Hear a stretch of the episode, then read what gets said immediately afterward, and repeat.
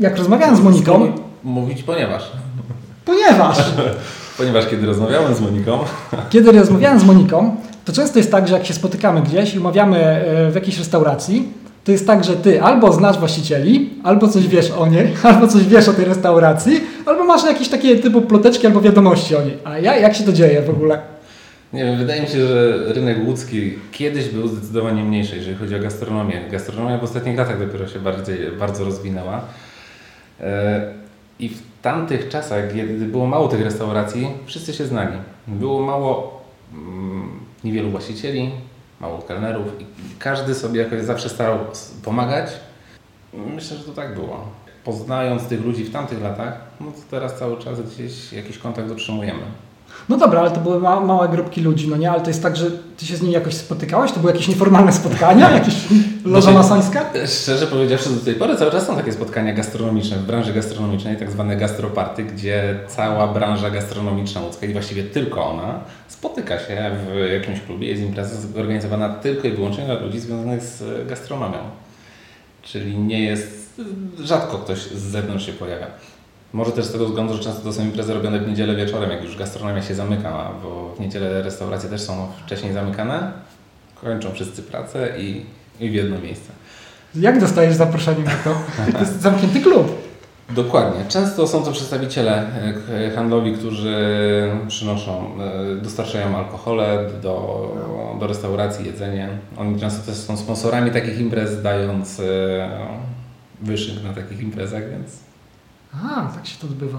Są duże grupy zrzeszenia grup alkoholowych, które e, mają dużo marek alkoholi pod sobą i organizują taką imprezę. A tak to wygląda, że to jest takie bardziej luźne, czy na przykład wtedy w danym lokalu zostaje obsługa i nadal was e, obsługuje? Bardziej, nie, bardziej to są kluby, bardziej to jest dyskoteka, czyli taka forma mm, spotkania się w dyskotece. Ze względu na ilość Aha. osób, nie jest to tak, że siadamy do stołu i okay. siadamy jemy, Bardziej to jest w takiej formie dyskoteki, gdzie ci ludzie gdzieś się przewijają, często ktoś kogoś zna, jak nie zna, to poznaje i tak.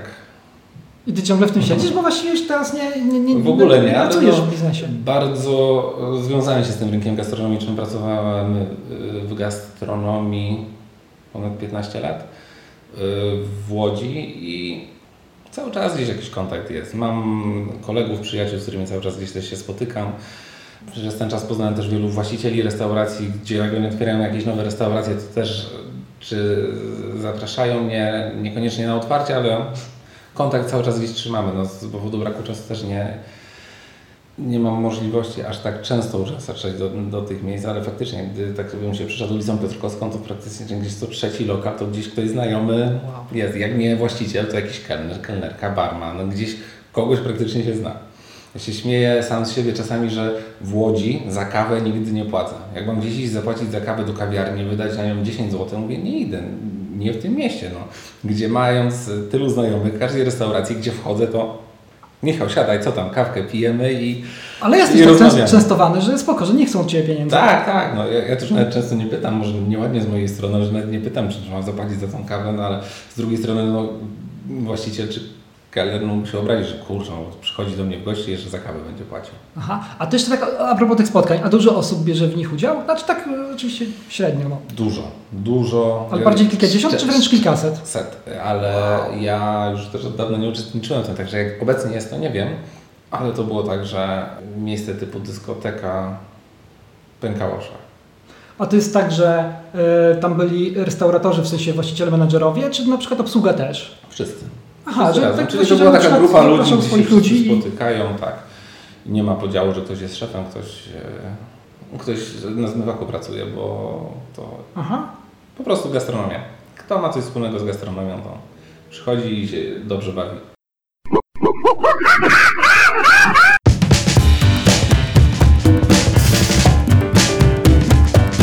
To jest podcast Nilo.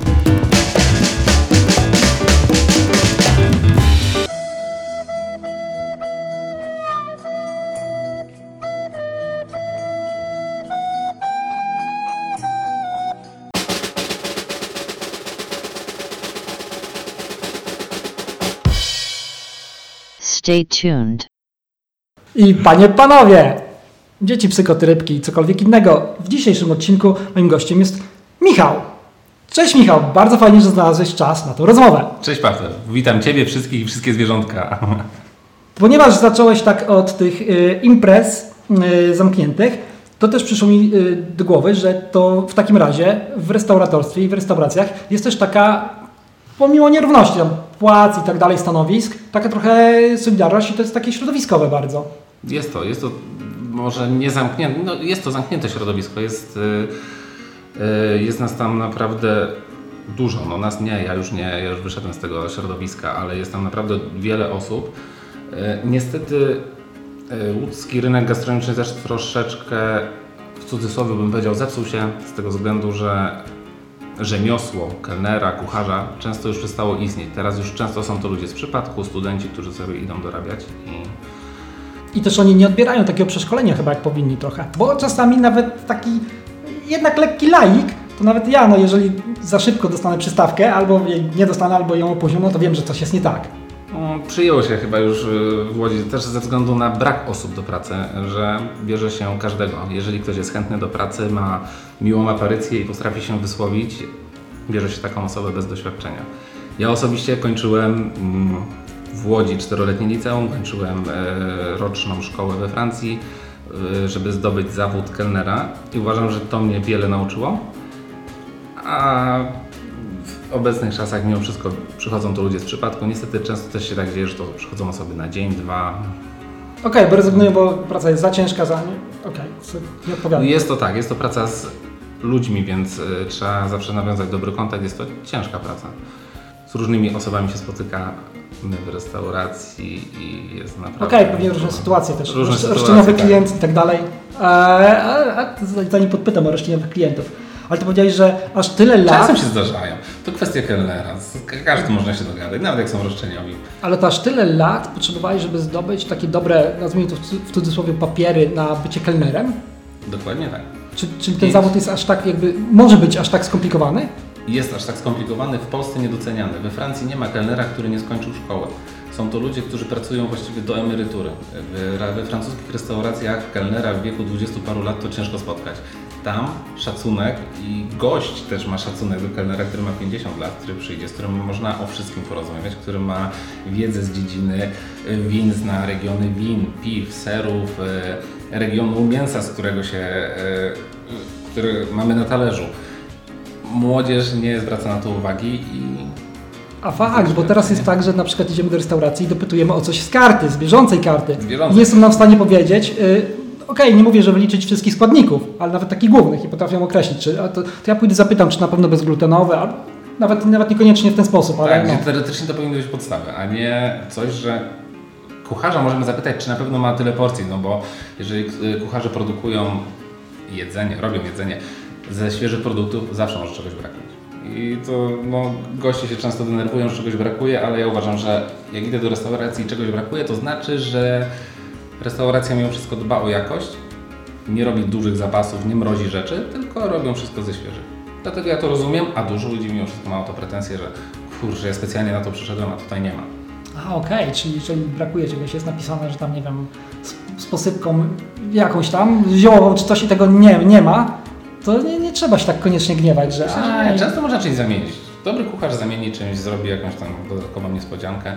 Często y, w Polsce, do Polski też y, jest dużo rzeczy przywożonych z zagranicy. Nie u nas kupowane. Nie pojedziemy po makro, nie kupimy wszystkich rzeczy. Y, Jest firma z Berlina, która dowozi dużo rzeczy i no, poza cenami tych rzeczy, które są dość wysokie, łącznie z jadalnymi kwiatkami, nie zamawiamy tego, no bo jeżeli nam nie zejdzie, no to wiadomo, że idzie to w straty, idzie do śmieci. A zamawiając tego mniej, no to mm, jak przyjdzie nam trochę więcej osób, no to ktoś może ucierpi A, na tym, nie spróbuje. Nawet nie wiedziałem, że tak jest. A to tak y, generalnie to jest jakaś taki, taki e, trochę hegemon na rynku, ta firma, która sprowadza takie rzeczy? Czy jest wiele takich, a Nie ma wielu. Akurat jeżeli, o, konkretną, y, o konkretnej grupie produktów mówię, bo jeżeli chodzi na przykład o produkty włoskie, no to w Polsce jest kilka firm. W Łodzi jest jedna Aha. duża firma, która robi dystrybucję włoskich produktów. Jeżeli chodzi o takie ekskluzywne rzeczy, to właściwie oni. To jest firma, która dwa razy w tygodniu jest w Łodzi i jeżeli ktoś chce zamówić do restauracji świeże trufle, w sezonie oczywiście, to właściwie chyba tylko tam. Co prawda pojawiają się mniejsze sklepiki, gdzie już można to kupić, ale takie większe ilości to i tak wszystko przyjeżdża z Berlina, z tej hurtowni. Hurtownia na zasadzie takiego polskiego makro, tylko że no, tam jak się wchodzi w alejkę z rybami, no to. Oni mają fizycznie gdzieś takie magazyny, w których byłeś na przykład i widziałeś, tak? Tak, to jest fizycznie taki sklep jak makro, do którego możesz wejść. Wchodzisz i Aha. kupujesz jako osoba prywatna. E, Każdy może tam wejść. A jeżeli chodzi o Polskę, robią, e, przywożą, dwa razy w tygodniu przywożą produkty do A, okej. Łódź, Warszawa. Przez Poznań jadąc, to są takie trzy Okej. punkty, gdzie oni się e, zatrzymują i, i już nie mają swoich mniejszych dystrybutorów, tylko oni bezpośrednio, czyli od nich chłodnia bezpośrednio do nas przyjeżdża i wyciągamy sobie świeżą rybę, świeże, e, świeże mięso, rybę. A jak tak na przykład pracowałeś w restauracjach, to mógłbyś określić, jak na przykład duże ilości taka restauracja zamawia? Oczywiście wiadomo, że to zależy od restauracji, ale na te, w których ty pracowałeś. Jakiegoś towaru takiego, nie wiem, a na przykład tych trufli. Jak dużo na przykład trufli? Nie, to, trufla to jest tak, tak, tak specy, ekskluzywna rzecz, że to z reguły jedną truflę się zamawia i, i ona ma wystarczyć na jakąś tam, to jako dodatek bardziej jest. Aha, no. no tak. Y, Ciężko określić. Każda restauracja inaczej, to zależy od wielkości restauracji. Standardowo kucharz, kucharz się tym zajmuje. Mhm. On robi sobie, y, bierze pod uwagę standardowo, że mamy 100 gości na 3 dni, to on na te 3 dni robi sobie zapas wszystkiego na te 3 dni, żeby unikać, unikać mrożenia, przechowywania, gromadzenia. Dostępność produktów, podstawowych produktów jest na tyle duża, że wszystko można w każdej chwili podjechać kupić, więc nie ma sensu magazynowania tego. Często w restauracjach jest też mało miejsca na przygotowywanie tego. Kuchnie, kuchnie są małe, a sale konsumenckie duże. I kucharze mają dosyć ciasno tam jeszcze, jakby mieli się tym towarem pozastawiać, to naprawdę mogłoby być im tam ciężko. Ciężko mi powiedzieć, jak duże ilości. Dobra, a to inaczej. A na przykład taka jedna trufla, jak powiedziałeś, że zamawia się jedną truflę i ona tam wystarcza na kilka dni, czy tam na jakiś okres, to na przykład jak dużo porcji e, można, e, bo okej, wiem, że to jest jakoś tam ucierana, na przykład tak delikatna taka posypka, czy coś w tym stylu, no nie? To na jak duże porcji może wystarczyć taka jedna trufla? W przybliżeniu Zależy oczywiście. od wielkości. Często to jest, powiedzmy, robimy sobie jakąś tam polędwicę i z dwa, trzy płatki takie bardzo Aha. cieniutkie idą na nią, więc taka trufla może wystarczyć na, nie wiem, 15-20 porcji, w zależności od tego, co robimy. Jeżeli dodajemy do makaronu i chcą, żeby to było takie aromatyczne, mocne, no taką truflę e, można zużyć na 4 porcje, chociaż no to już by było zbyt intensywne, ale Okej. wszystko zależy od dania i od ceny tego dania. Jeżeli gość chce zapłacić 100 czy 150 zł za mięso, no to wiadomo, że tej trufli też tam będzie więcej. A jeżeli ludzie przychodzą i tak bardziej degustacyjnie, żeby chociaż spróbować jakieś mniejsze koszty, to jakiś nawet jeden płatek, tak, żeby nadać aromatu, smaku, wyglądu. Wszystko, wszystko uważam, że też jest kwestią ceny. A tak szacunkowo, ponieważ poruszyłeś trochę cenę. Tak stosunkowo, jak dużo właśnie są te mater- materiały, te produkty jak w cenie finalnej? To znaczy, jaki jest koszt w Tak. porównaniu do tego, co my później płacimy? Tak, tak. Standardowo przyjmuje się tak zwany food cost na poziomie e, 30%, czyli wartość, to co mam na talerzu 30%, reszta to jest narzut. Czy jest to dużo, czy mało? No uważam, że nie jest to dużo, ponieważ utrzymanie samej restauracji, osób, dobrego kucharza, kelnera, czynsz lokalu w centrum, tym bardziej już nie mówię o nawet galeriach handlowych, gdzie tam też czasami się pojawiają dobre restauracje, są ogromne, więc uważam, że to jest... i Każda restauracja praktycznie pracuje na takim koszcie. Wracając do kawiarni, gdzie już też poruszę ten temat, bo kawa to uważam, Aha. że to jest taki złoty biznes, gdzie idąc do restauracji, gdzie wymaga to dużo pracy, przygotowanie takiego dania i powiedzmy jego wartość jest 30%, no to wartość kawy to jest 2-3%. Okej, to teraz już wyjaśniłeś mi zagadkę yy, czegoś, co zresztą z Moniką lubiliśmy, tych chyba głównie warszawskich, chociaż w Łodzi być może też to gdzieś jest, tych śniadań za złotówkę. Pod warunkiem, że zamówisz kawę. Do, do kawy masz śniadanie za złotówkę, ale to teraz już wiem, yy, jak przelali sprytnie te koszty. kawa kosztuje 15, 10, 15 zł, bo w kawiarniach mniej więcej kawy kosztują 10-15 zł. Jej koszt mm, zmielenia ziarna, prądu mieści się w 50 groszy. Reszta to już jest Okej, czyli tak No. naprawdę tutaj był schowany ten koszt tej jakby całej reszty tego śniadania i tak To jest to też, co Ci powiedziałem, że ja w Łodzi za kawę nie płacę. Znam koszt tego produkowania i jeżeli mam iść i zapłacić za tą kawę 10 zł, powiedziałem nie. Zbyt wiele osób znam w restauracjach, które proponują mi tą kawę. Nie ma, e, dlatego też za nią nie płacę. Znając jej wartość, no to też nie mam trochę skrupułów, że idę i nie pytam się, czy mam za nie zapłacić, czy nie. A jak tak bywasz w tych restauracjach i kawiarniach, no nie? To gdzie są w Łodzi na przykład yy, dobrzy bariści? Tudzież baristki. A w ogóle, o właśnie, a jest, yy, znasz takie lokale, gdzie są panie baristkami? Hmm. Wydaje mi się, że tak. Wydaje to- mi się, to- że na, y, y, na Traubutach, tylko teraz nie pamiętam jak ten lokal się nazywał, to nie było poparzenie kawą chyba, y, nie. Na Traubuta jak się idzie w kierunku Sienkiewicza po prawej stronie, A, spaleni słońcem. Spaleni- Spaleni, słońcem, oni są na trau... Oni chyba są na ofie. na Ofie, ale oni zaczynali, Aha, ale oni aha, zaczynali aha, na pewno na Traubuta. Pierwszy Okej. lokal y, oni y, otworzyli na Traubuta, później dopiero I tam była dziewczyna. Wydaje mi się, że tam były dziewczyny i to, bo tam też się osoby zmieniały No. i tam można było się na pewno napić dobrej kawy. Mm. A jak teraz obecnie właśnie, jakbyś miał tak zareklamować z Gdybym miał, trzy lokale. gdybym miał pojechać na kawę, musiałbym za nią zapłacić.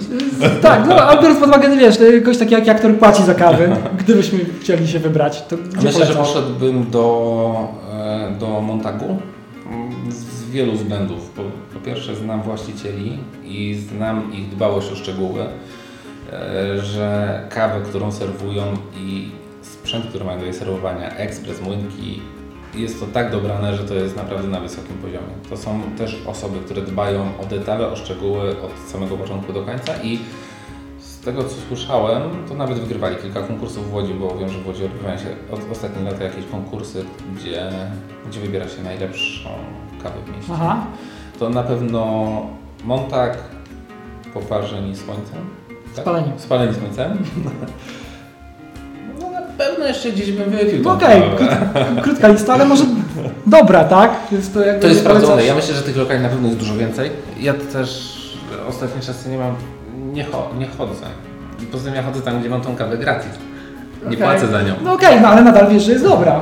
To Yy, też tak, możesz no. polecić, no, że jest dobra kawa tam.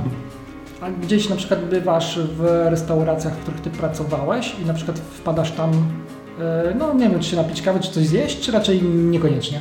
Mm, niekoniecznie, ponieważ podstawowym problemem jest to, że już ich nie ma na, na mapie A, łódzkiej okej. gastronomii. Jedna restauracja, e, która otworzyła się w manufakturze, e, no nie przetrwała naszego rynku. To była restauracja francuska, do której byli sprowadzeni francuscy kucharze. E, Ja też zaraz po powrocie z Francji zacząłem tam pracować, łącznie z całą obsługą. Właściwie każdy z nas z obsługi, z kelnerów, z, znając język francuski, zaczęliśmy tam pracę z tymi Francuzami. Nie utrzymała się na łódzkim rynku z tego względu, ze względu na koszty przede wszystkim. To był taki początek, gdzie gastronomia łódzka się zaczynała rozwijać. Jeszcze nie było wielu lokali, nie było ich aż tylu, tak jak jest teraz. Było to bardzo ekskluzywne, były, sprowadzaliśmy tam rzeczy z, właśnie między innymi z Berlina, z, z Francji bezpośrednio. E, Raz w tygodniu jeździliśmy na cargo do Warszawy. My nawet jako kelnerzy sami jeździliśmy po paczki, które były do nas przesyłane z Francji z produktami. No na łódzkim rynku niestety nie przyjęło się to faktycznie, ceny były wysokie, ale było to spowodowane jakością, jakością produktów. No i samym tym kucharzem e, był, e, szefem kuchni na początku był Jean-Marc Tachet, to był pan, który we Francji odbywa się co roku taki konkurs i wygrywa go jeden najlepszy kucharz. Aha. Mm, I to była osoba, która zdobyła ten złoty medal w tym konkursie, która, która zgodziła się tutaj przyjechać e, i, i, i pracować dla Łodzi. Mhm. Okej, to pewnie nawet on generował spore koszty, nie? No bo To były za darmo nie przyjechał, To, wiadomo. to były gigantyczne koszty. Poza tym, że on pracował z nami, on też miał swoją firmę we Francji. To była osoba też, która podróżowała. Koszty podróży i jego wypłaty to były ogromne.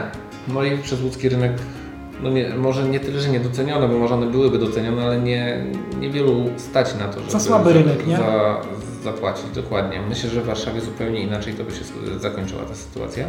Drugi kucharz Bruno Schneider, który y, do dziś mieszka w Polsce. Przyjeżdżając tutaj to znalazł Aha. żonę i ostał się już na stałe. Po pierwszym roku no, Jean-Marc już nie było też restauracji, trochę stać na niego, Mhm. więc Bruno przejął całą kuchnię, i, ale trzymaliśmy cały czas ten sam poziom. Sprowadzanie produktów z Francji, z Niemiec, wysoka jakość. Czyli taki dobry szef kuchni, to też jest naprawdę jakaś du- duży ułamek kosztów. No myślę, że to jest największy.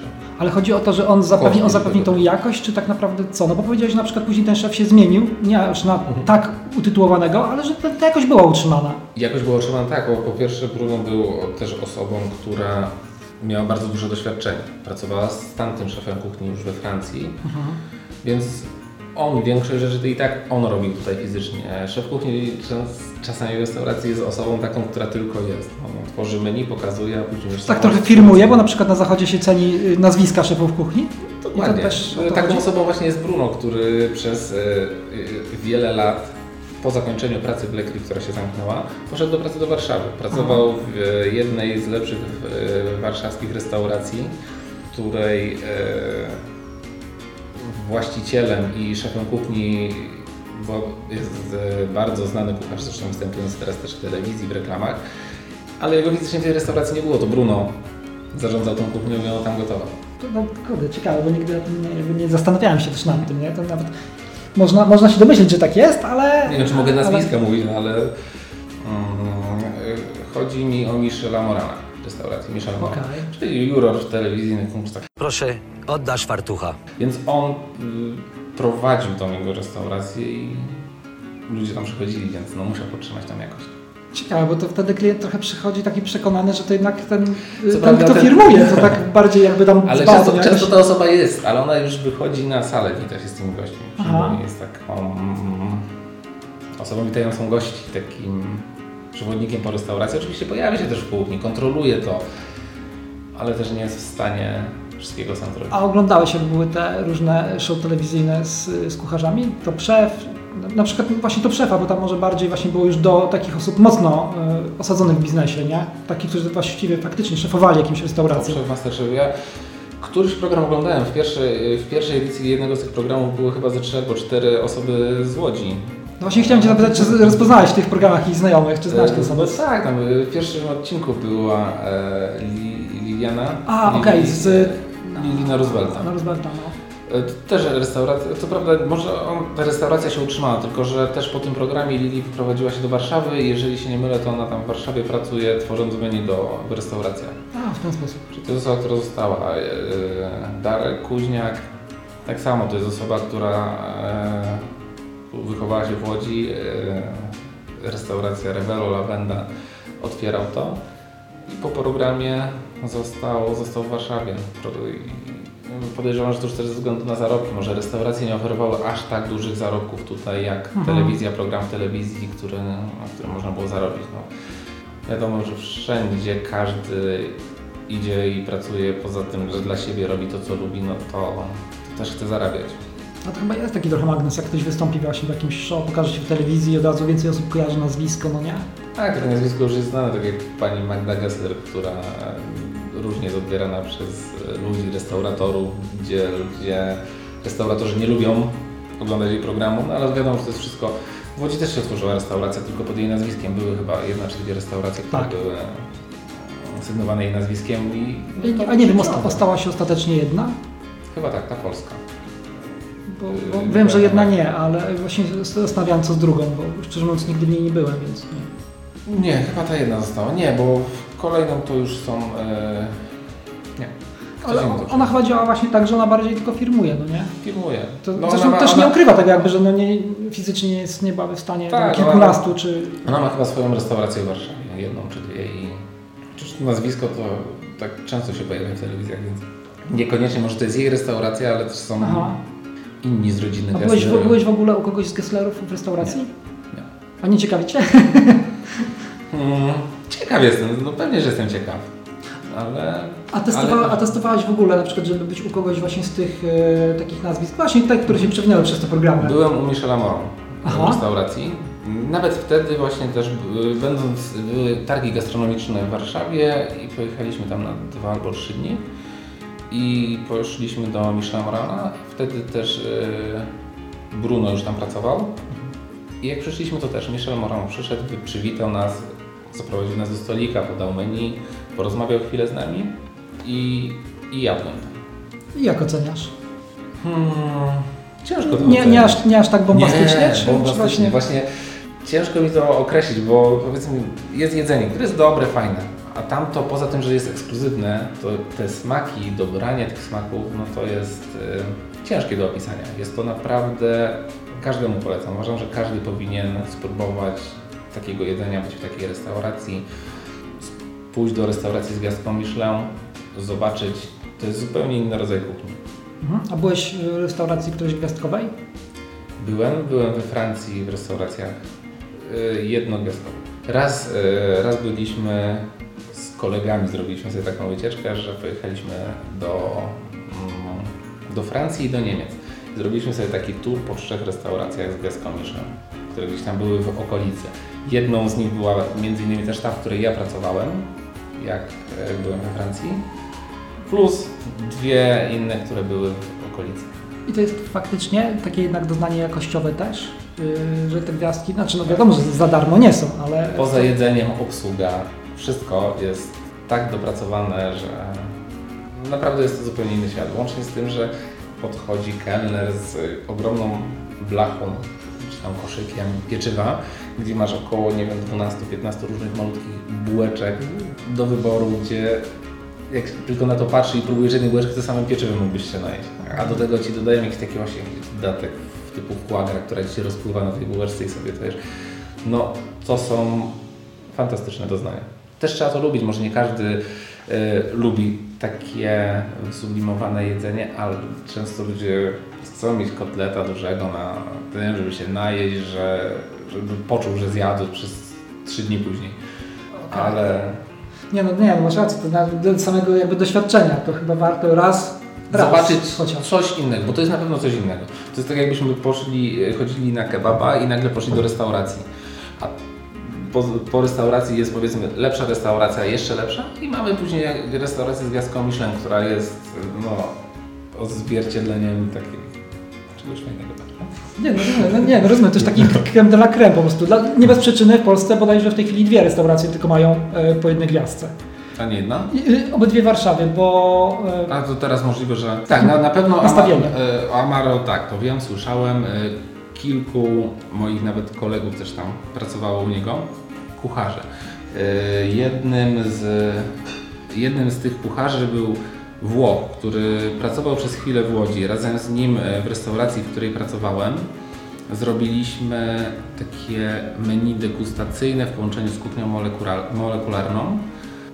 Zrobiliśmy super imprezę, na którą zaprosiliśmy ludzi właściwie z całej Polski. Wyszło to fantastycznie. E, oczywiście no, z taką osobą, my w restauracji, którą, w której wtedy pracowałem, no, nie było nas stać też na taką osobę, ponieważ my prowadziliśmy restaurację z taką prostą włoską kuchnią typu pizza, makarony. Nie odważyliśmy się na pójście w kuchnię molekularną i na pewno po tej naszej kolacji e, ten kucharz pojechał do Amaru. Wydaje mi się, że do tej pory możliwe, że tam pracuje. Znaczy, to jest też tak, że faktycznie praca w różnych restauracjach, o różnym jakby tym stopniu jakości, ale też te wyjazdy zagraniczne to faktycznie dają taki, takie duże obycie, obojętnie czy jesteś y, kucharzem, pomocnikiem tam w kuchni czy kelnerem, że później kiedy wracasz naprawdę już y, uczysz się faktycznie tak nowych rzeczy, można tak się na, nauczyć, że podniesiesz swoją wartość na, na, na, rynku i też zyskasz aż tyle wiedzy. Ja przez rok czasu we Francji nauczyłem się właściwie, jeżeli chodzi o, gastronomię, najwięcej w swoim życiu. Cztery lata liceum tutaj w Łodzi, no wiadomo, czegoś się nauczyliśmy, dużo, dużo chodziliśmy, mając jakieś praktyki, obsługiwaliśmy gości, ale dopiero praca w restauracji z gwiazdką Michelin, gdzie wszystko musi być pod linijkę, yy, łącz, począwszy od codziennego sprzątania restauracji, wycierania codziennie każdego detalu, poprzez obsługę gości, poprzez y, naukę konkretnych rzeczy, typu serów, który ser jest z jakiego mleka, z jakiego regionu, z jakiej części, ile leżakuje, ile dojrzewa, które wino z jakiego regionu, czym się charakteryzuje. To są detale, które na pewno po- pomagają i podnoszą wartość jak gdyby osoby kelnera, który dziś chce dalej pracować. Ja ze swojej strony zrezygnowałem trochę z gastronomii. Bardzo lubiłem to i nadal lubię i chętnie bym dalej pracował, ale czekam aż będzie restauracja z gwiazdką Michelin w Łodzi po prostu. Nie chcę wyjeżdżać z tego miasta, yy, bo miałem możliwość pracy dalej, czy we Francji. No, o innych miastach typu Warszawa nie myślałem nigdy, ale możliwość pracy we Francji miałem cały czas, ale no, jednak jestem związany z tym miastem i tutaj wróciłem do tego. A myślisz, że taka praktyka we Francji to dała faktycznie taki przeskok, że na przykład w Polsce ciężko byłoby taką zdobyć, taką wiedzę? Myślę, że byłoby ją trudniej zdobyć. Musiałbym to robić e, we własnym zakresie po godzinach, na co z reguły nie ma czasu, bo każdy chce też trochę odpocząć i praca w gastronomii to nie jest praca 180 godzin miesięcznie, tylko czasami 250 po 300 godzin, e, w zależności od tego, co się robi. E, I no, ze względu na brak czasu myślę, że ciężko byłoby zdobyć taką wiedzę. A jak wyglądała taka praca? Na przykład właśnie tego, y, kiedy pracowałeś tam we Francji, to jak wyglądał taki dzień?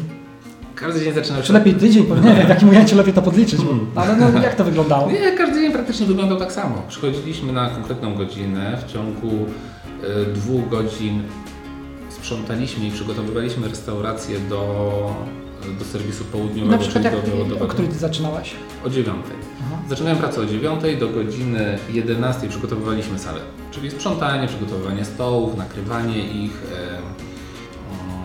A przepraszam, tu się jeszcze na chwilę wetnę. Czy to było tak, że ty po liceum, kiedy pojechałeś do Francji, to od razu trafiłeś do tej gwiazdkowej restauracji? Tak, tak, pojechałem, bo ja ja nie pojechałem do restauracji, do, stricte do restauracji, do pracy, ja pojechałem też tam jako uczeń do szkoły. Czyli e, poza pracą w restauracji e, chodziłem do szkoły. To było tak, że mieliśmy 3 tygodnie pracy, tydzień nauki. E, I jeździliśmy na taki tydzień do szkoły z internatem, gdzie nas zamykali, nie mogliśmy wychodzić, trochę się czuliśmy tak. Ale no, my byliśmy trochę starsi, e, Francuzi są w młodszym wieku, tam trochę młodsi od nas byli, więc no, no, szkoła z internatem, nie można jej opuszczać po prostu. Aha. Miało to swoje plusy, minusy, bo od godziny 8 do 18 praktycznie siedzieliśmy w szkole i to była nauka. Poza nauką języka była to też nauka kelnerstwa, obsługi. Okej, czyli to było tak przemieszane, że z jednej strony miałeś tą taką teorię i te praktyki, ale takie w szkole, plus te z restauracji. Plus nabywane tak dokładnie długo, restauracji. długo tam uczyłeś się? Znaczy długo trwała ta nauka? W sensie, nie wiem, Y- to było półroczne, roczne? Roczne. Standardowo Francuzi tą szkołę, ten, ten etap szkoły, bo to jest powiedzmy taki y, licencjat, jak u nas, jak idziemy na licencjat, to Francuzi standardowo taką szkołę robią mm, przez dwa lata. My jako, że mieliśmy już doświadczenie, my Polacy, bo tam było nas kilka osób, byli Aha. też kelnerzy, kucharze. Każdy oczywiście pracował w innym regionie, w innych restauracjach, ale no było, było nas kilka osób. Mieliśmy na naukę tego e, materiału rok, co Francuzi muszą przez dwa lata się nauczyć. Aha. Francuzi standardowo dwa lata robili tą szkołę, my w ciągu roku. Oczywiście szkoła kończyła się tak zwaną maturą, pisaliśmy To testy. pytać, egzamin. E, tak, dokładnie, pisaliśmy francuską maturę. Wyglądało to trochę inaczej niż u nas, bo, ale też mieliśmy egzaminy pisemne, ustne. Czyli i ty masz dwie matury? i Czy dobrze egzamin? I egzamin, tak, dokładnie. E, I egzamin praktyczny. Fajne we Francji jest to, że kończąc taki etap tej szkoły mojej, mam tą maturę, Aha. mogę iść na kolejne dwa lata. Kolejny egzamin, Mhm. powiedzmy licencjat i kolejną, kolejny, nie wiem, trzy lata i mamy magistra. Wiąże się to o tyle, jest to fajne, motywujące, bo za każdy etap dostaje się też kasę. Czyli mając mój egzamin, idąc do restauracji we Francji, oni nie mogą zapłacić mi mniej niż powiedzmy 1300 zł. Mając kole- e, euro i mając kolejny egzamin, nie mogą mi zapłacić mniej niż 1500. To jest tak, że to jest minimum, jakie muszę dostać, mając takie wykształcenie. Fajnie jest to, fajnie jest to rozegrane, bo to jest motywujące, żeby się uczyć i dążyć do, do zdobywania jakiejś tam dodatkowej wiedzy. Bo u nas, no, wiadomo, idzie kelner, dostaje tam 9 zł na godzinę i nie ma znaczenia, czy on ma doświadczenie, czy nie, dostaje tyle i niech sobie resztę rozbiera z napiwku. Myślisz, że u nas chociaż w tych lepszych restauracjach, albo tych chociaż gwiazdkowych, to jest jednak tak bardziej Myślę, że tak. uznawane? Myślę, że tam nie zatrudnią studenta yy, w tych lepszych restauracjach. Nie zatrudnią studenta, tylko zatrudnią kogoś, kto ma doświadczenie. Niekoniecznie sz- yy, że będą to osoby po szkole, ale na pewno muszą być to osoby z doświadczeniem. A to ci dawało takie, y, w sensie podczas, nie wiem, jak szedłeś gdzieś, y, nie wiem, zgłaszając się z ogłoszenia o pracę, czy tam szukając pracy, to to faktycznie była taka dobra karta przetargowa, y, ten, ten papier? Jak wróciłem z Francji, akurat rusz, otwierała się wtedy manufaktura i między innymi był projekt tej restauracji francuskiej. Strzeliłem się w dobry moment, no bo idealne papiery miałem, miałem ja, było i poszliśmy czwórkę, było nas czterech kolegów, którzy kończyliśmy tą samą szkołę tutaj w Łodzi, później we Francji, tylko w różnych latach to robiliśmy. Aha. Każdy z nas, dwójka była wcześniej, my później kończyliśmy. Otwierała się ta restauracja i właściwie wszyscy w czwórkę razem w jednym momencie poszliśmy, złożyliśmy nasze CV i Nawet nie szukali kogoś innego. No okej, to jest jednak... G- Kwestią przetargową był język, gdzie musieliśmy dogadać się z szefem kuchni i uważam, że nasze doświadczenie wtedy było no, naprawdę duże. To teraz chciałbym jeszcze wrócić do tego rozkładu dnia, bo to uciekło. Tak, uciekło, ale też pamiętałem, też chciałem wrócić do do tego. Dziewiąta. Przychodziłem do pracy, sprzątanie, przygotowywanie sali. O godzinie, kurczę, teraz nie pamiętam, czy to była, może to była godzina, godzina półtorej. Yy, Później siadaliśmy wszyscy do wspólnego posiłku. Yy, Na zapleczu obsługa miała tam swój taki duży stół, robiliśmy, jedliśmy. Kuchnie, kucharze tam w części kuchennej też yy, siadali, jedli.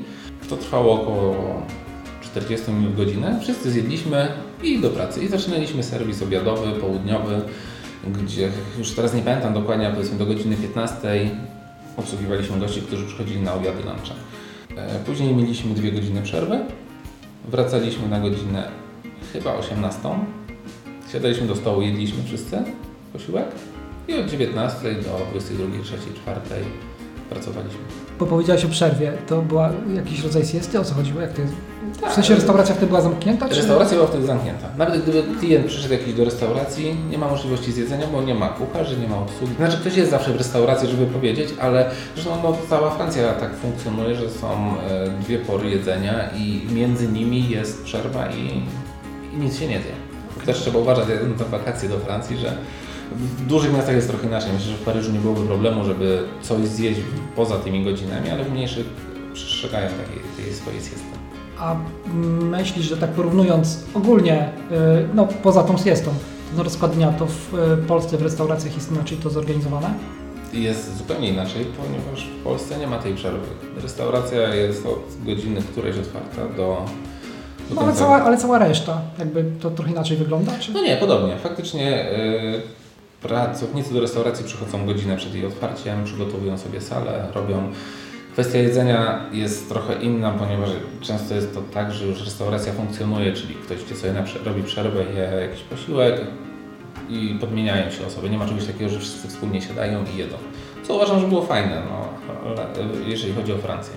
Tym bardziej, że we Francji też już y, w Polsce myślę, że mogło się to nie sprawdzić, ale y, ja będąc we Francji byłem dość młody i kwestie jakieś takie alkoholowe, picie alkoholu w pracy to tak nie, nie pasowało mi. A tam było czymś normalnym, że siadaliśmy do obiadu, kolacji, butelka wina, ktoś tam miał ochotę na piwo, to sobie piwo e, pił i do tego posiłku każdy z nas mógł się napić jakiś kieliszek, dwa wina. No, nikt tego nie kontrolował ile, tak? Ale no myślę, że w Polsce, gdy, jeżeli wzięlibyśmy studentów do pracy, którzy by sobie przed pracą mogli tam to by kego obalili i później nie było nikogo do pracy. Okej, ale nie, to w ogóle w Polsce w restauracjach, y, jeżeli jest taki posiłek dla pracowników, to raczej nie, bezalkoholowy. Raczej tak. Co prawda w, y, y, często pojawiają się nowe alkohole na rynku. Y, koncerny alkoholowe też y, chcą, chcą żeby y, obsługa znała jakiś produkt typu whisky, wino. Często robią też degustacje.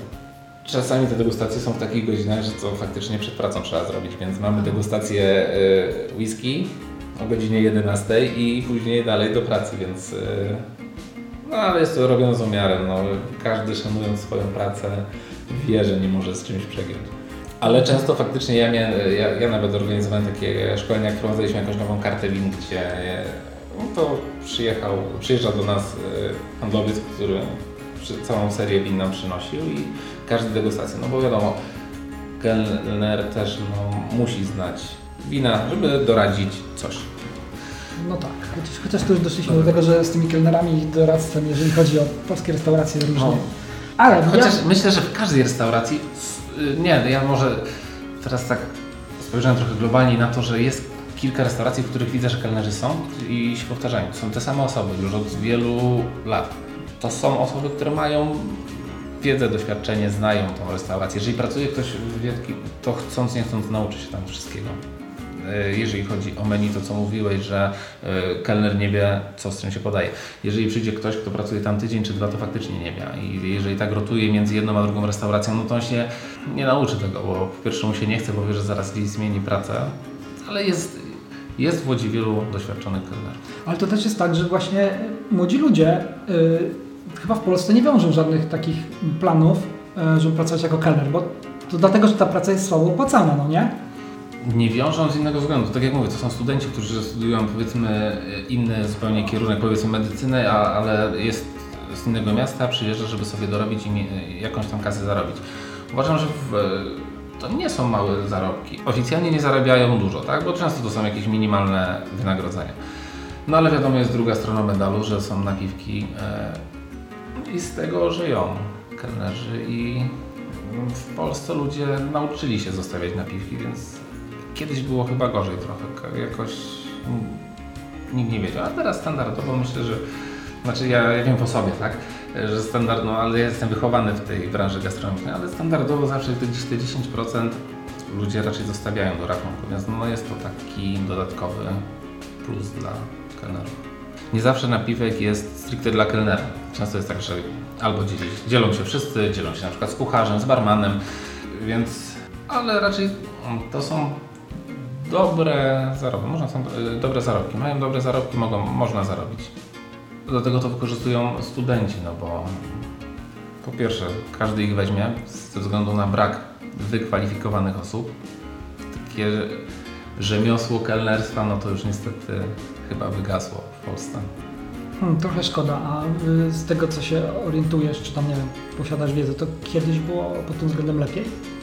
Nie mówię oczywiście może o tym nawet okresie Myślę, że- PRL-u, ale w ogóle. Nie, to jeszcze nie tak dawno było dużo lepiej. Są, e, były miejsca takie kultowe typu Grand Hotel, gdzie kelnerzy też tam mieli po 40-50 lat i od początku byli tylko oni, tam nic się nie zmieniało. Są takie miejsca. Za, za każdym razem jak gdzieś wyjeżdżamy, to właśnie zwracaliśmy na to uwagę, że jest starsza obsługa, że jest mało, znaczy Młodych. mało, no stosunkowo widać było taki y, właśnie starsi kelnerzy, młodsi oczywiście też, Gdzieś tam do pomocy byli. ale, ale też byliśmy tym zafascynowani, że i, i, i, i to widać było, że to są e, profesjonaliści po prostu. Tak, to się są, zawsze. to są osoby, wie, których ty niczym nie odezwać się. zaskoczy. No nie. oni, oni też znają odpowiedzi na wszystkie Twoje pytania i i to jest zawód doceniany. Ja, jak tam w miejscu, gdzie ja pracowałem we Francji, jak ja wyjeżdżałem, to jeszcze dwóm osobom, jednej pani, jednemu panu zostało dwa lata do emerytury. Czyli oni sobie do emerytury Mhm. dopracowali jako kelner, kelnerka. Pięknie. Znaczy w Polsce niemożliwe chyba. I, Znaczy, by, i, I byli naprawdę w świetnej formie. To było tak, że goście już. Zresztą każda restauracja w Polsce też tak jest, że goście przychodzą do, do tej osoby, z którą mają pierwszy kontakt. Tak jak mówiłem o Warszawie Michel Moran, to ludzie przyjeżdżają fajnie się spotkać z Mhm. tak, taką osobą, znaną osobą, usiąść sobie rękę, porozmawiać. W, w, w Łodzi ludzie też chodzą do konkretnych kelnerów. Kelner jest w jednej restauracji, oni go znają, ten kelner wie, co ta osoba potrzebuje. Kelner zmienia restaurację, to często ci goście też idą za kelnerem, menadżerem. też tak masz? E, Zmieniłeś tak za, za kimś? No nie, nie, nie. Ja, nie. ja raczej mimo wszystko wybieram stałe miejsca. Wiem, gdzie jest y, dobry kucharz, wiem, że tam dobrze zjem. Niestety czasami też, jak naciąłem się kilkukrotnie, że poszedłem w złe miejsce i później miałem problemów, y, może nie problemów, miałem problemy żołądkowe, coś się działo. Dlatego wolę wybierać y, miejsca, które znam, które, y, w których wiem, że jest ktoś znajomy, kto o to dba. Okej, to tutaj wejdę Ci trochę w słowo, bo jak przed rozmową sobie tak pomyślałem, że zapytam Cię o taki punkt, o takie trochę Aż się boję. tip, tips and tricks, y, po czym na przykład, y, co, jakie byś miał wskazówki y, odnośnie właśnie y, restauracji?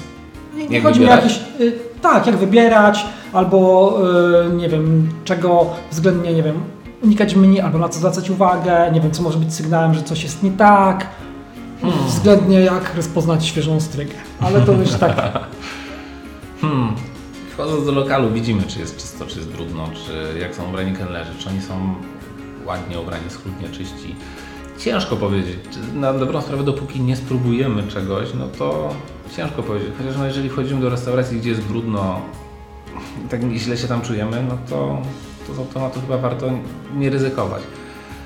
Jakieś sztuczki kucharzy, które, już nie wiem, w sensie zamaskowanie czegoś.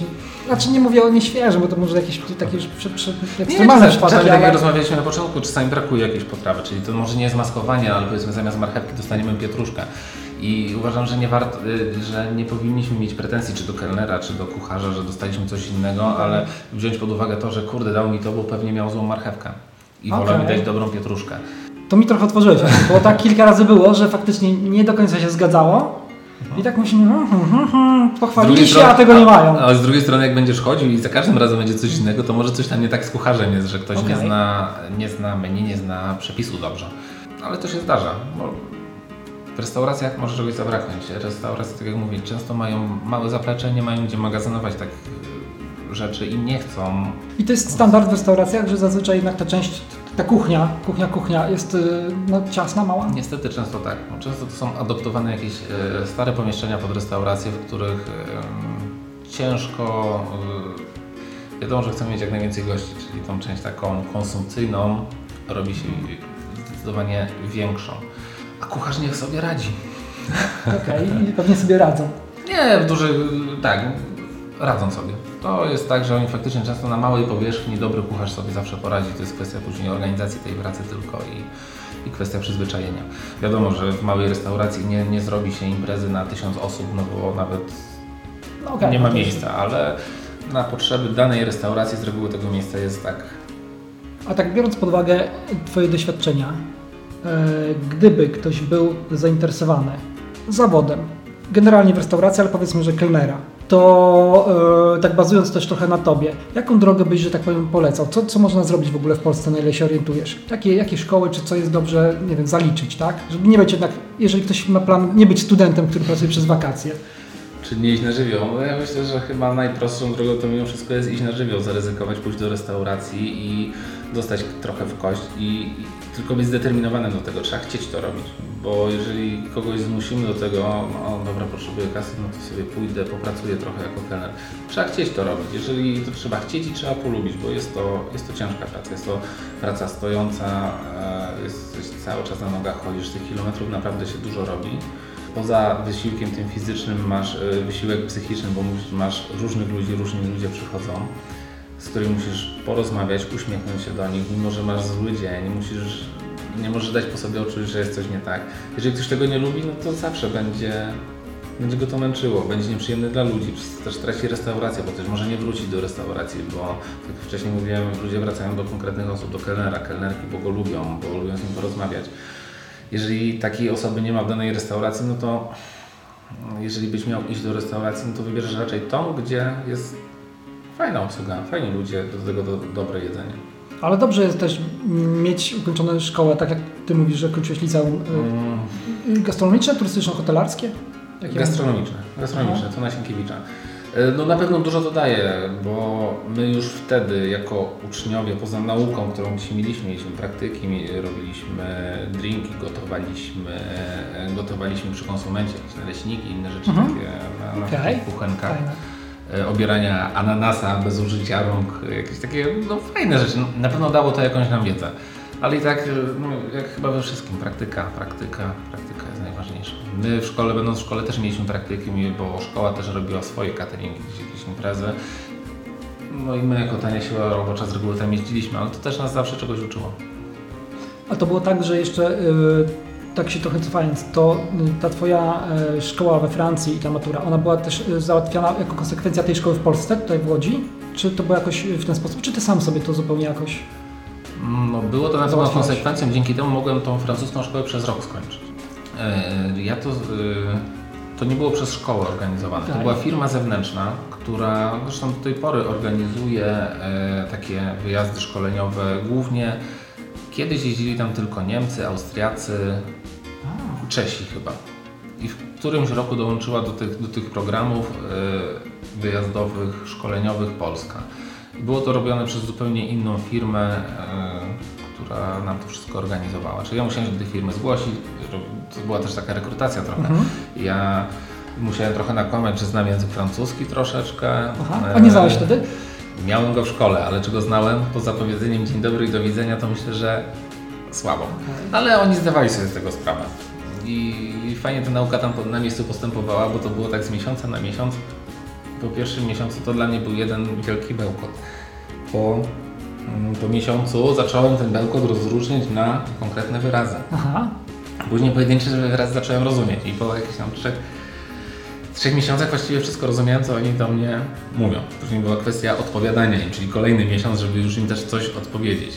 A do tego dostałem z- trochę skaczę z tematu na temat, sorry, ale no e, problemu. pamiętam, że po takich chyba trzech miesiącach, gdzie ja potrafiłem podzielić sobie słowo na słowo, już powiedzieć Aha. jakieś pojedyncze słowa, dostałem e, wózek serów. No, we Francji wózek serów to jest taki, mm, nie wiem, metr na pół metra szerokości i dwa poziomy są takich desek, na których Aha. masz sery. Około tam, nie wiem, 30-40 różnych gatunków. Przyszedł do mnie taki, powiedzmy, szef zmiany, z którym mam kontakt do dzisiaj. bo To była osoba, której będąc tam bardzo nie lubiłem, bo to była osoba, która cały czas e, e, nas tak jakby mobilizowała do pracy, poganiała, uczyła, ale perspektywie czasu doszedłem do wniosku, że to jest osoba, która mi tam najwięcej nauczyła e, pracę. Dał mi ten wózek serów, około 30, 40, 30, 30, Mhm. 30 40 e, gatunków sera no i mi powiedział wszystkie nazwy po kolei Oj, oj, oj. gdzie to były nazwy dla mnie z kosmosu. Ja zacząłem sobie gdzieś notować yy, te nazwy, które on mi mówił na karteczce. Zabrał mi tą karteczkę, wyrzucił do śmieci i powiedział nie. Ostatni raz Ci powtarzam, to jest ten, to jest ten, to jest ten, to jest ten. Do tamtego stolika pojedziesz sobie z serami. A ja nie dość, że yy, co drugie słowo jego zrozumiałem, co on mi powiedział, to jeszcze te sery. Ale dzięki temu ja chyba po tygodniu to już sam chciałem jeździć tym serem, bo już się ich nauczyłem. Z czasem się nauczyłem każdego sera, gdzie jest, z którego regionu jest. Jadąc tym wózkiem do serów, do stolika, gdzie się działo, nie wiem, czterech Francuzów, to z tych czterech Francuzów oni w sumie razem może 3-4 sery znali. No Bo Francuzi też nie znają wszystkich serów regionu. Więc jak ja im mówiłem o tych serach, a tu co to jest, to oni liczyłem na to, że jak pojadę sobie ten pierwszy raz i będę mówił o tych serach, że oni będą wiedzieli co chcą. A to nie, to jeszcze musiałem im mówić i tłumaczyć. Więc no, I udał Ci To- się ten pierwszy raz? Czy, czy było tak średnio? nie, byli, by, to były wyrozumiałe Okej, osoby prostu. okej. Nie, raczej. Ja nie pamiętam, czy to czasem też nie byli ludzie, którzy ileś tam naście lat wcześniej wyemigrowali tam. A. I to była taka, e, powiedzmy, ich prababcia wyemigrowała, czyli oni coś z polskiego kojarzyli, ale mi- mieli korzenie polskie, więc oni też inaczej trochę na mnie patrzyli jako na też obcokrajowca u nich, no, który widzieli, że się uczę dopiero. Nie, nie, miałem z tym jakichś tam większych problemów. A we Francji, e, jak e, mówisz po francusku, to jest coś takiego, bo na przykład no, w Wielkiej Brytanii czy w Stanach, to e, bardzo łatwo po akcencie Cię rozpoznają skąd jesteś. We Francji też tak miałeś? Dokładnie. Znaczy, najczęściej mówili, że jestem z Rosji. No bo, Okej, okej. No, No, to, to często pomyłki. Ale już pod koniec tego pobytu we Francji e, mnie to wtedy bardzo cieszyło, że po jakiejś dopiero dłuższej rozmowie oni mówią, a to pan nie jest z Francji? Albo z jakiego pan jest z regionu Francji, bo ma pan taki dziwny akcent. Okej. wtedy, także to, to było takie naprawdę wow, jednak, jednak można, ten, można jakoś tak zaakcentować, żeby się nie skapnęli, że się nie zna. Albo po prostu byli mili. Dlatego no tak. okej, ale to fajnie. To Ale znaczy, często że- było tak, że po jakimś czasie dopiero, ale pan ma jakiś inny akcent. I ja skąd pan jest? Co, Cię pokierowało, że poszedłeś do takiego liceum? Hmm. Jaki był plan na to? Jakieś dobre, dobre potrawy, które mama przygotowała, czy nie wiem? Nie, właśnie też się zastanawiam nad tym, dlaczego tam poszedłem. Nie, faktycznie, czasami jak w podstawówce chodziłem na wagary, chodziliśmy do takiego kolegi sobie, e, bo mieszkał blisko szkoły i czasami nawet jakieś ciasto upichciliśmy. A. Ale tak po prostu, no z nudu mieliśmy. Co prawda my tego nie mogliśmy zjeść, ale jego rodzina później wiem, że to zjadała i, i im smakowało. Ale myślę, że to nie było inspiracją, żeby iść do tej szkoły. Poszedłem do tej szkoły też z myślą o tym, nie wiedziałem co będę dalej robił. Mówię, może fajnie iść sobie do szkoły zawodowej, zdobędę jakiś zawód, jak będę chciał pójdę na studia, będę robił coś innego. Ale tu poza zwykłym liceum mam jeszcze dodatkowo zawód, który może być fajny. Przypadek chyba. Może rodzice też mnie trochę tam pokierowali, popchnęli, żebym poszedł w tym kierunku.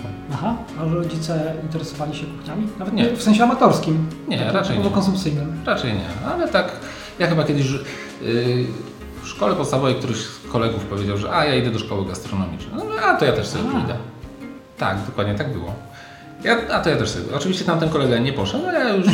Właśnie A ja już- a ja już zostałem. Z tym kolegą? Czy zrobił karierę? Nie, tylko On nie. poszedł chyba, nie, nawet nie wiem szczerze, gdzie on później poszedł, bo już kontakt się urwał i do tej pory nie mam z nim kontaktu, ale tak było.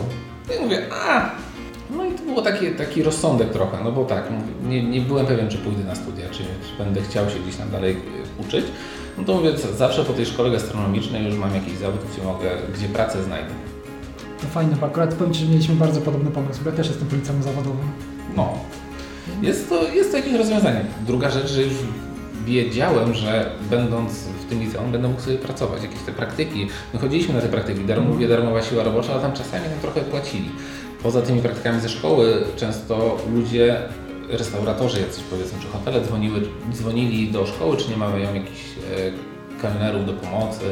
I często też chodziliśmy, nie? Poza praktykami w szkole mieliśmy praktyki w hotelach, gdzie później często na jakichś innych imprezach typu catering czy w restauracji zostawialiśmy i mogliśmy sobie zawsze zarobić. Więc na dobrą sprawę od drugiej klasy liceum mogliśmy jakąś tam kasę sobie zarabiać. Czyli, Czyli- faktycznie, czyli też- też... miałeś rozpoznanie tego środowiska już trochę, bo już dlatego pracowałeś tutaj w tej restauracji, coś tam, tu catering organizowałeś, tam w hotelu pracowałeś. W wielu przypadkach tak było, że my mieliśmy praktyki u, u chłopaka, który miał jakiś catering. Potem, kilka lat później, jak już tam nie mieliśmy z nim kontaktu, okazuje się, że on ma jakąś restaurację. I Aha. idę, o cześć, cześć, no tutaj restaurację otworzyłem. No i, i to się jakoś tak gdzieś samo nakręciło. Fajnie, to dobra, znaczy to jest naprawdę cie- ciekawa historia. No poza tym gastronomia sama w sobie też, y, pracując jako kelner czy menadżer restauracji, no to wiadomo, że inni restauratorzy też tam przychodzą. No oni się czasami przyznają, czasami nie przyznają, czasami się wie, że to jest ktoś, że to jest właściciel jakiejś tam innej restauracji. Jako menadżer często siadałem sobie z takimi osobami, rozmawialiśmy i poznawaliśmy się i praktycznie każdego dnia jakąś nową osobę gdzieś poznawałem, czy z branży gastronomicznej, czy spoza tej branży. E, Więc to też się samo nakręcało. Dlatego jak zapytałeś na początku, mm, skąd moja znajomość tak wielu, gdzieś, gdzie idziemy, gdzieś się spotykamy, to a tutaj znam tego, e, właściciela, tu kelnera, tu kogoś, to też z tego wynikało. Kelnerzy, e, ludzie, którzy wiążą swój, e, swoją przyszłość z, z branżą gastronomiczną, chodzą, sprawdzają inne restauracje, więc też ich tam poznawałem. Ale to jest taka trochę pozytywna konkurencja, bo to nie, nie, chyba to nie ma jakichś takich brudnych trików chyba, nie? Znaczy w sensie, Nie, w sensie raczej nie. Znaczy takie, jak tak mówisz o tych imprezach i w ogóle, to że to jest raczej takie to środowisko... Czyste, dokładnie. No ja myślę, że tak, ja też zawsze jak chodziłem, obserwowałem, patrzyłem, na co zwrócić uwagę, czy, co robią. Teraz jak chodzę do restauracji, staram się nie obserwować, bo wyłączam myślenie takie gastronomiczne, że o Jezu, jak on idzie, jak on niesie ten talerz, o Jezu, tam kurz jest na tej lampie. Przestałem na takie rzeczy zwracać uwagę, bo Łatwiej no żyć. po- Nie, bo idę do restauracji, żeby zjeść coś dobrego, spotkać się ze znajomymi i skoncentrować się na nich, a nie na tamtych rzeczach. Także obecnie staram się zakładać takie klapki na oczy i nie obserwować tego dookoła. Widzę, że dużo ludzi zaczyna wokół mnie, y, z którymi dziś jesteśmy, mówią o takich rzeczach, krytykują, a ja A, to ty się trochę w duchu z nas śmiejesz, jak gdzieś idziemy i mi tam, o, może, może nie, że śmie- nie, no na, na pewno nie śmieję, ale, ale ja staram się z tego wyłączać, bo, bo powiedzmy to jest branża, na której się, no wydaje mi się, że się znam, że gdybym dzisiaj miał wszystko rzucić i poprowadzić restaurację, czy iść obsługiwać, to z zamkniętymi oczami, bardzo chętnie. Zresztą jak e, kończyłem branżę gastronomiczną, jak, jako menadżer odchodziłem z ostatniej restauracji, to chyba przez jeszcze rok chodziłem e, z kolego, kolega mnie wyciągał na takie wesele, na takiej sali weselnej, żebym gdzieś tam im pomógł. Głównie oni mieli problem, bo nie mieli ludzi do pracy. A ja tak, jako że też lubiłem, to zaczynając własną działalność, no to też e, nie miałem za bardzo kasy, więc musiałem gdzieś tam sobie czasami trochę dorobić, więc szedłem sobie na taki weekend, żeby gdzieś popracować. Myślę, że dzisiaj Dzisiaj już mi się trochę nie chce, nie chciałoby, ale, ale na początku dosyć dużo chodziłem jeszcze po, po weselach, mimo, czyli z, jak gdyby z menedżera sobie się cofnąłem, krok w tył zrobiłem i, i robiłem to, co lubię, no bo naprawdę obsługa jako kelner sprawiała mi ogromną przyjemność i frajdę. A to dlaczego się zdecydowałeś z- jakby otworzyć własny biznes inny zupełnie? Gdzie z gastronomią? No, bo jak, jak mówisz, tam już byłeś, już byłeś szef, już byłeś menedżerskie stanowisko. Ze względu na czas, że gastronomia wymaga ogromnej ilości czasu. 200 godzin, żeby przepracować, to by był taki nudny miesiąc, że nie miałbym co robić, bo y, często jako menadżer musiałem być jeszcze, nie wiem, godzinę czy dwie przed tym, zanim e, ktokolwiek przyjdzie do obsługi, bo przyjeżdżała jakaś dostawa, bo coś trzeba było zrobić, zorganizować. Więc ta praca często zaczynała się o godzinie 9, a kończyła o 24. Połączyć to z życiem rodzinnym no nie wchodziło w grę, tym bardziej, że w gastronomii weekendy są najbardziej intensywne. W weekendy najwięcej gości przychodzi do restauracji, wtedy się najwięcej dzieje, więc praktycznie każdy weekend wycięty w tygodniu, przygotowywanie się między innymi też do tego boomu weekendowego. Ze względów myślę, że też rodzinnych postanowiłem zrezygnować z tego. A skąd pomysł na branżę? Bo się przebranżowiłeś mocno. Tutaj możesz zdradzić też, nie do końca. czym się zajmujesz. Y, Nie do końca inna, bo to było wszystko trochę powiązane, bo A jak y, to kilka, powiązane? kilka lat temu było tak, że moja żona wyjeżdżała za granicę do pracy i wiedziałem, że jej nie będzie miesiąc albo dwa. I mówię, kurczę, co ja będę robił w wolnym czasie, bo wtedy pracowałem jako, jeszcze- wtedy pracowałem jako kelner w restauracji i pracowałem dwa dni pracy, dwa dni wolnego. Tak mój dzień, że pracowałem tam 12-15 godzin przez dwa dni, później dwa dni wolnego miałem. I co ja będę robił? Yy, Wtedy też kupiłem jakiś samochód, który był używany i miał strasznie brudną tapicerkę. Znalazłem pana, który pierze tapicerki mobilnie. Przyjechał do mnie do domu, wybrał mi pod domem ten samochód, wyszło bardzo fajnie. Ja sobie podejrzewałem, że on ma taki piorący odkurzacz. Zrobiłem sobie zdjęcie tego odkurzacza, mówię, a może też sobie taki kupię. Moja żona wyjechała za granicę, ja sobie kupiłem w tym czasie ten odkurzacz i poszedłem do takich dwóch zaprzyjaźnionych restauracji, czy nie chcieliby, żebym im dywan wybrał. Aha. No to no kurczę, w sumie to by się przydało, bo już jest taki brudny i wziąłem ten odkurzacz i wybrałem ten dywan w, res, w restauracji. Powiedziałem, że nigdy więcej tego nie zrobię po tym pierwszym dywanie, bo zajęło, myślałem, że zajmie mi to z 2-3 godziny, a zajęło mi całą noc. Wow. Później 3 dni dochodziłem do siebie, byłem tak wykończony. E, ale tak, około 8 czy 10 godzin brałem ten dywan. A mówię, dobrze, jeszcze spróbuję. No i tak kupiłem ten odkurzacz. Z czasem doszedłem do wniosku, że może, może jakoś przyspieszyć tą pracę. Ostatni raz jak prałem ten dywan, zajęło mi to chyba 2 godziny. Ale to już do, doszła kwestia wprawy, sprzętu dodatkowego, który miałem, czyli z 10 zredukowałem. Więc było to powiązane, bo mówię tak, mam znajomych w gastronomii, czyli tych restauracji trochę jest i mówię, może warto otworzyć taką firmę sprzątającą, która będzie myła im okna, y, dywany. No i tak gdzieś y, w międzyczasie miałem sobie ten sprzęt jakiś tam zbierałem i pracowałem w restauracji, aż w pewnym momencie powiedziałem, że chyba zajmę się tylko tym jednym. Zrezygnowałem z pracy w, w restauracji, no i tak przejeżdżałem w centrum Łodzi yy, koło, takiego, koło takiej myjni, na której był ogromny napis sprzedam. A ja Aha. obok tego, tej myjni miałem taki swój magazyn na ten swój sprzęt. No, tak się zastanawiałem, czemu chłopak chce sprzedać myjnię, którą tam chyba półtora roku wcześniej otworzył, ale dogadałem się z nim tak i kupiłem od niego tą myjnię. I zacząłem sobie myć i czyścić samochody, przy okazji gdzieś tam firma sprzątająca, wszystko tak w jednym miejscu. Miałem więcej czasu dla siebie. Fakt, że na początku, żeby znaleźć tych zleceń, żeby się utrzymać, jakieś, żeby Aha. jakieś zarobki były, no to było bardzo ciężko. Jeszcze pogodzić firmę sprzątającą z myjnią, gdzie musiałem zatrudnić pracownika, żeby ktoś Właśnie chciałem czas. zapytać, jak szybko zacząłeś zatrudniać? Praktycznie Jak długo, jak długo pracowałeś sam? Jak kupiłem myjnię, od razu zatrudniłem e, Aha. pierwszą osobę. No, związane też było to z tym, że w Urzędzie Pracy było jakieś dofinansowania do tworzenia miejsc pracy, więc wziąłem sobie dofinansowanie, trochę sprzętu jeszcze dokupiłem i stawiłem tam tego pierwszego pracownika. No ale rozbujanie jakiejś tam myjni, która funkcjonowała i widocznie źle funkcjonowała, skoro ktoś to sprzedał, to zajęło mi trochę czasu. No, pierwsze miesiące były trudne, do tego jeszcze na szczęście miałem wsparcie gastronomiczne, gdzie chodziłem sobie w weekend na wesele, żeby mieć na wypłatę dla pracownika. Czyli to, co zarobiłem na weselu, często to nie szło nawet dla mnie, tylko e, musiałem oddać to pracow- pracownikowi. No bo wiedziałem, że nikt za darmo u mnie nie będzie pracował, a poza tym też nie chciałem, żeby tak było, że jakieś e, obsługi w wypłatach były. No ale z czasem gdzieś to się rozkręciło, później e, To wynikało z tego, że był tak mały ruch na początku, czy z tego, że po prostu miałeś tak niski marże i po prostu nie zarabiałeś, nie, nie tak zarabialiście mały, tak mały ruch, bo A, okej. ciężko, miałem trochę problem ze zdobyciem klientów, no bo Aha. mi- myjnia była trochę schowana, jeszcze do, doszedł do tego remont ulicy, która była zamknięta Aha. przez jakiś czas, żeby ktoś mógł, mógł dojechać, no to zostawał mi tylko właściwie internet. Zyskowność na, no jakaś zawsze była, no nie, nie, nie, nie było to jakieś kokosy, ale gdzieś tam klientów ściągałem. Jako, że pracowałem w gastronomii, no to właściwie e, rozesłanie i roz, e, wypromowanie tego w jakimś tam swoim kręgu znajomy znajomemu, że Michał otworzył myjnię, no to, to zaskutkowało. Tylko, że to też trwało, no bo mimo wszystko czekałem na to trochę, aż e, ruszy się. Udało mi się też nawiązać współpracę. Okazało się, że mój kolega pracuje w takiej dużej wypożyczalni samochodów w Łodzi, gdzie obrabiałem około 100 samochodów dziennie. Jak otworzyłem myjnię, no to od razu e, udało mi się przejąć to mycie, więc Mhm. już miałem takiego, to takiego, tak, takiego pewniaka, który wiedziałem, że mi utrzyma tą firmę, powiedzmy pracownika, jakieś e, koszty, że, że na koszty powiedzmy już miałem, czyli tylko musiałem dążyć do tego, żeby sobie zdobyć kolejnych klientów.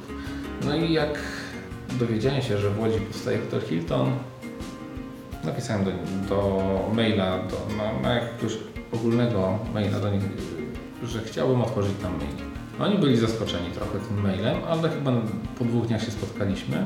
No i powiedzieli, tutaj mamy takie miejsce, w którym możemy, bo to było jeszcze na etapie budowy. Hotel Hilton miał się, po, ja pół roku przed otworzeniem Aha. hotelu się z nimi skontaktowałem.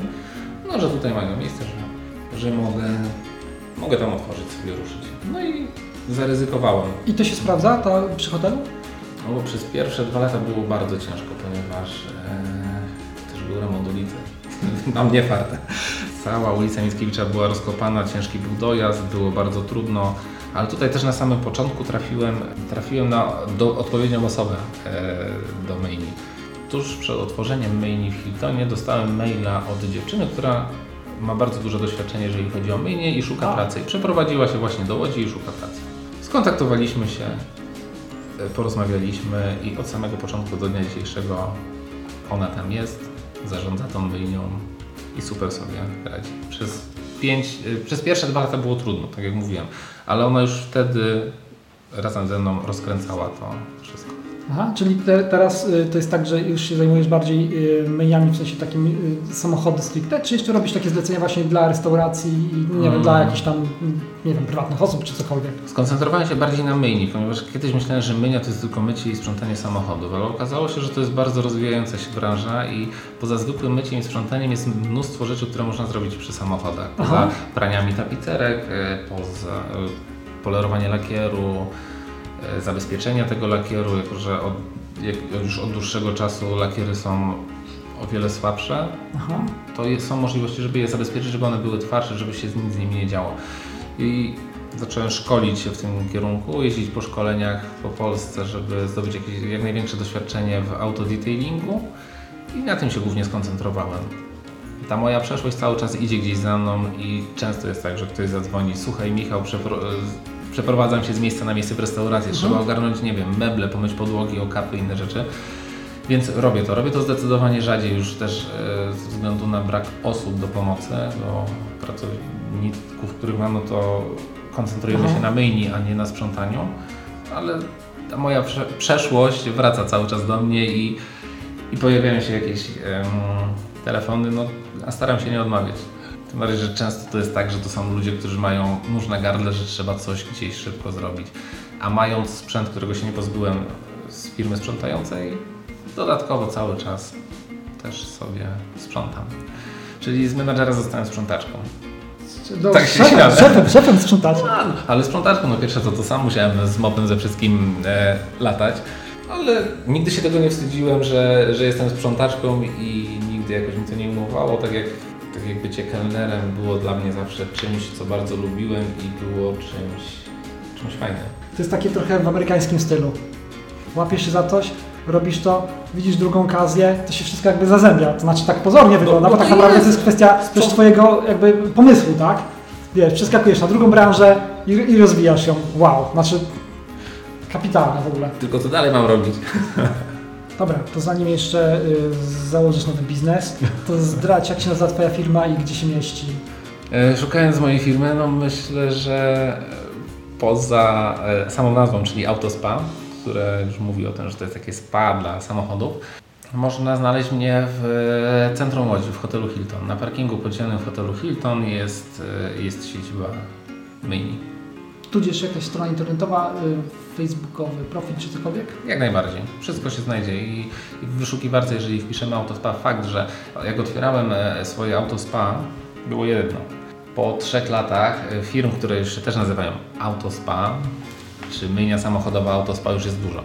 Ale jeżeli ktoś będzie chciał znaleźć e, myjnię autospa i wpisze Hotel Hilton, to, to na pewno nie znajdzie bez problemu.